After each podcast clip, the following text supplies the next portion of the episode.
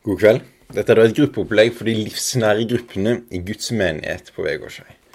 Vi er veke 24 og 25, og vi går mer og mer mot avslutning av Efeserbrevet. Og jeg har lyst til at Før dere hører videre, så leser dere de to versene i Efeserne 6, 18-20. Og så har jeg lyst til at dere skal lese historien fra Johannes, Johannes 4, og vers 4-42, som handler om kvinna med brønnen. For helt på slutten av Efeserbrevet, etter at Paulus har pratet om at vi står i en krig, så har han et ønske om forbønn.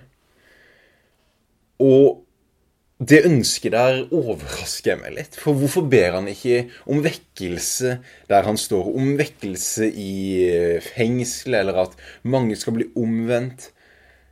Det virker som at han har et litt annet fokus. Han ber om at de rette ordene må bli gitt ham når han skal tale, og at han frimodig skal gjøre evangeliets mysterium kjent. Og jeg tror vi kan lære litt av denne måten å tenke på. Det er at vi er faktisk Guds metode for å nå ut med evangeliet. Gud ønsker å bruke oss. Og vi trenger frimodighet. Når jeg er på jobb, når jeg er i ulike settinger, så er det ofte frimodigheten det står på. Og så må jeg be om at Gud skal gi oss de rette ordene, sånn at vi kan tale med visdom og kjenne den dyrebare tida vi er i.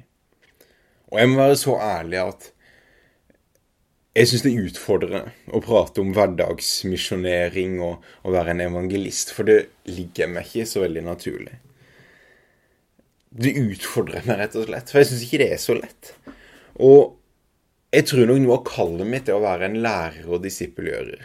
Og da er det veldig lett å f.eks. ta en nådegavetest og så bokse seg inn i en kategori av 'dette er hvem jeg er', og da kan jeg være komfortabel her, og så slipper jeg å gjøre alt det andre. Men jeg tror ikke det er bibelsk. Jeg tror at vi er gitt noen oppgaver for å tjene i menighet, ja, og da kan vi gjerne være i de, de boksene. Men Efeserne 4 sier at Gud har innsatt ulike roller i menighet for å utruste de hellige til full modenhet i Kristus. Altså, Målet med menighet er jo at alle skal bli mer som Jesus. Og Jesus hadde jo alle de egenskapene. Han var både lærer og hyrde, evangelist og, og, og, apostel. Så jeg tror vi alle skal få lov til å strekkes etter å bli mer evangelistiske. Forbedre hyrdeegenskaper bli flinkere til å ha omsorg for folk. Og Det er derfor jeg er vanvittig takknemlig for at jeg f.eks. går i en menighet som Knut Sunde. Når han kommer på kontoret og deler med engasjement i øynene om samtalen han hadde på eldresenteret, der en ny en tok imot Jesus. Eller han hadde en, en stopp med en nabo. Han har alltid noen historier han deler, og det gjør til at mitt hjerte blir litt større for å òg kunne dele evangeliet i hverdagen. Så nå får dere høre noen refleksjoner fra en som syns det her er utfordrende sjøl, men som vet at dette er noe vi er kalt til alle sammen. Ikke nødvendigvis å fungere i tjeneste som en evangelist, men å være evangeliserende i måten vi lever på. Og én måte vi kan lære å dele Jesus, er, er nettopp med å lese denne historien om kvinnen med brønnen. For det er noen, noen, punkter som jeg tror kan være vesentlige. Dette er selvfølgelig ingen oppfyllende liste, og ikke meint å være en evangeliseringsstrategi. Men jeg tror det er noen visdom her, med åssen denne kvinna deler det hun har fått.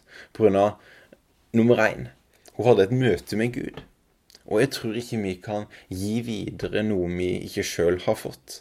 Det å skulle dele evangeliet bare ut fra noe teoretisk tror jeg blir vanskelig. For nå, det er et liv å dele videre. Så jeg tror det mest avgjørende vi kan gjøre for å bli bedre evangelister i hverdagen, det å dele Jesus videre, er å stadig ha møter med Gud. Det å begynne morgenen med å takke Gud for hvem han er, og hvem han har kalt oss til å være, er begynnelsen av å være en evangelist. Det å søke Gud i bønn og tilbedelse, det å komme på gudstjeneste, være med, med i et kristent fellesskap. Det å utsette seg for å bli påvirka av Gud. Der begynner det. Hun fikk et møte med Jesus. Og på grunn av det møtet så skjedde det noe med henne sitt liv. Og så kom hun løpende tilbake til byen. Hun hadde gått fra å være en som hadde ingen frimodighet, til å ha mye frimodighet. Og når vi leser apostlenes gjerninger, så er ordet frimodighet Det henger alltid sammen med at de får Den hellige ånds gave. Hva skjedde med disiplene som måtte vente på denne kraften? Jo, de ble fylt med en frimodighet, og så begynte de å tale til mennesker. Møte med Gud. Og så Nummer to det er at hun delte ikke noe teologisk utleggelse om hvem Gud var. Og jeg tror veldig mange er, syns det er vanskelig å dele tro pga. Ja, men jeg kan ikke så mye Bibel. Jeg vet ikke helt hva jeg skal si. Jeg er usikker på så mange ting. Vi trenger å bare dele vitnesbyrdet vårt. Dele det vi har opplevd, det vi har sett, og det vi har hørt. Og så delte hun ikke med en sånn 'Nå må du komme til tro'. Nei. Han skulle ikke være Messias, spør hun. Helt et åpent spørsmål. Dette har jeg sett, dette har jeg opplevd, dette har skjedd i mitt liv. Han skulle ikke være Gud, da. For noen uker siden satt jeg i bilen med to, to ikke-kristne kompiser på vei til, vei til Lillehammer, et utdrikningslag. Og vi prata om mye forskjellig, og så kom vi inn på det her med tro. Og vi hadde sikkert en to timers samtale med innom alt fra Alt fra moralske spørsmål, hvordan etikk kan komme til uten hvem jeg tro, og ja, mye forskjellig. Men det var først når vi kom inn på ekte liv, at en merka at noe nådde inn. Når jeg kunne dele mine historier, mine opplevelser, som ikke kan argumenteres for eller imot, og med en åpen innstilling om at det her er det jeg opplevde. Det skulle ikke være noe mer, da. Og så avsluttes den samtalen med ah, skulle ønske jeg kunne tro. Og så trenger folk òg et møte med Gud. Det er derfor vi trenger å be for folk i tillegg. Men hva er ditt vitnesbyrd? Hva er dine erfaringer? På når vi kan gi i gave det vi har fått i gave. For du er en unik evangelist som Gud trenger i møte med de menneskene som er din omgangskrets så finnes det kanskje ingen som kan nå inn på den måten som du kan, med din unike historie. Og nummer tre drevet av kjærlighet. Når vi ser hvordan Jesus møtte mennesker, så står det ofte at han fikk en inderlig nød for dem. Når vi deler av vår tro, så er det ikke pga. det er et program eller et opplegg vi har en samvittighet at vi bør følge. Men jeg tror når Jesus møtte denne dama, så var han drevet av kjærlighet. Og når denne dama fordelte det her videre til mennesket. så var det ut fra en oppriktig kjærlighet som hun sjøl hadde fått lov til å oppleve, som hun delte videre. Og her tror jeg Den hellige ånd kan lede oss. Vi har som vane med at som familie på søndag kveld så, så ber vi f.eks. For, for uka. OK, Gud, hvem er det du du kan minne oss på denne uka. Hvem er det vi kanskje kan invitere, eller kan be litt spesielt for? Eller når vi våkner om morgenen Gud, har du noe for meg? da? Er det noen mennesker som du kan minne meg på? Og så blir ikke det her et program, men det blir noe som skjer her. Et, et hjerte og en kjærlighet for at mennesker skal bli kjent med Han som er vår pappa og vår frelse. Nummer fire det er at hun hun pekte ikke bare på sin historie, og så stoppa det der. Nei, hun sa 'Kom og se'. Kom og se han som har sagt alle de her tinga til meg. Vi trenger å være evangelister som peker folk videre til Jesus. Når jeg studerte til å bli lærer, så hadde jeg en, en venninne i den kollokviegruppa mi har, som etter hvert begynte Som jeg merka begynte å bli litt sulten på, på kristen tro. Begynte å stille meg spørsmål. Og og i mange, noen av de samtalene vi fikk, så tror jeg jeg fikk en, en litt sånn visdom i at jeg skal ikke svare på alle spørsmåla, men jeg skal gi noen ting tilbake til henne. Og istedenfor å, å besvare alt, så ga hun f.eks. en bok 'Målretta liv' av Rick Warren, der det ikke var meg hun skulle koble seg på. Bare mine historier og mine tanker. Men prøve å koble henne på Jesus. Og så ble hun en del av vennegjengen etter hvert, der òg kunne se Åssen ser dette ut blant oss? Ikke bare 'sånn er det', men 'kom og se'.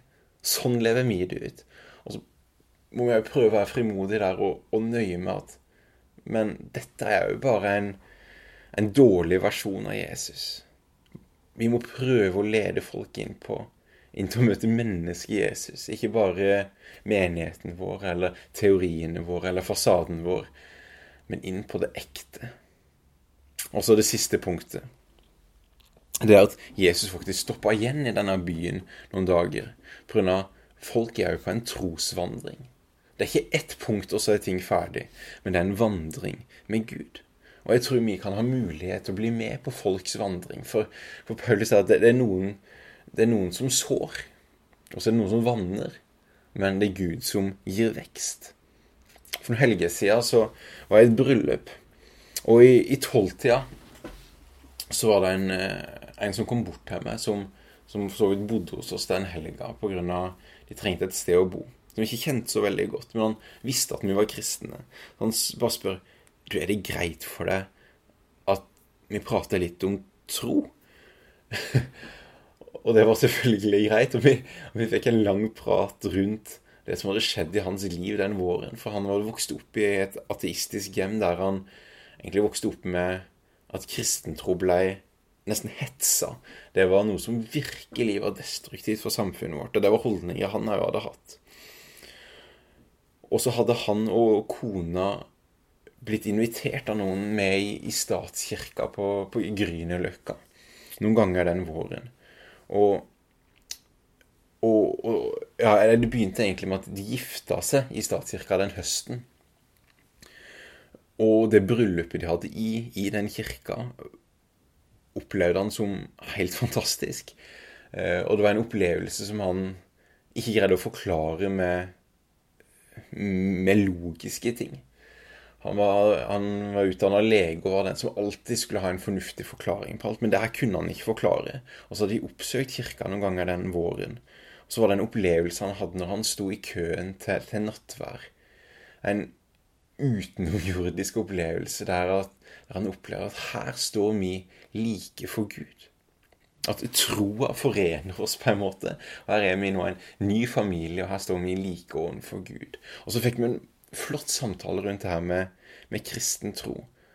Og så tror jeg ikke det her var en avgjørende faktor i hans, hans vandring den samtalen vi hadde. Men jeg tror det var en del av vandringa. Og det er det siste, at vi, vi trenger å huske at vi er på vandring. Vi er på en reise mot Jesus. Vi er på en reise, og vi trenger å se at mennesket vi møter, er på en reise. Så kanskje det å få folk til å mene det riktige, få komme til de riktige konklusjonene, er ikke nødvendigvis det mest sentrale. Men det å være med på denne vandringa mot å bli mer lik Jesus. Så håper jeg det kan åpne opp for en samtale. Håper det kan åpne opp for bønn i gruppene, der vi kan bli be for hverandre, at vi skal få frimodighet. At de riktige ordene må bli gitt oss. Og at det her kan inspirere til at du er en unik evangelist som har erfaringer i livet og egenskaper som de menneskene du er i nærheten av, trenger. Kanskje du er den eneste som kan lede de her et steg nærmere Jesus. Lykke til med samtalen videre.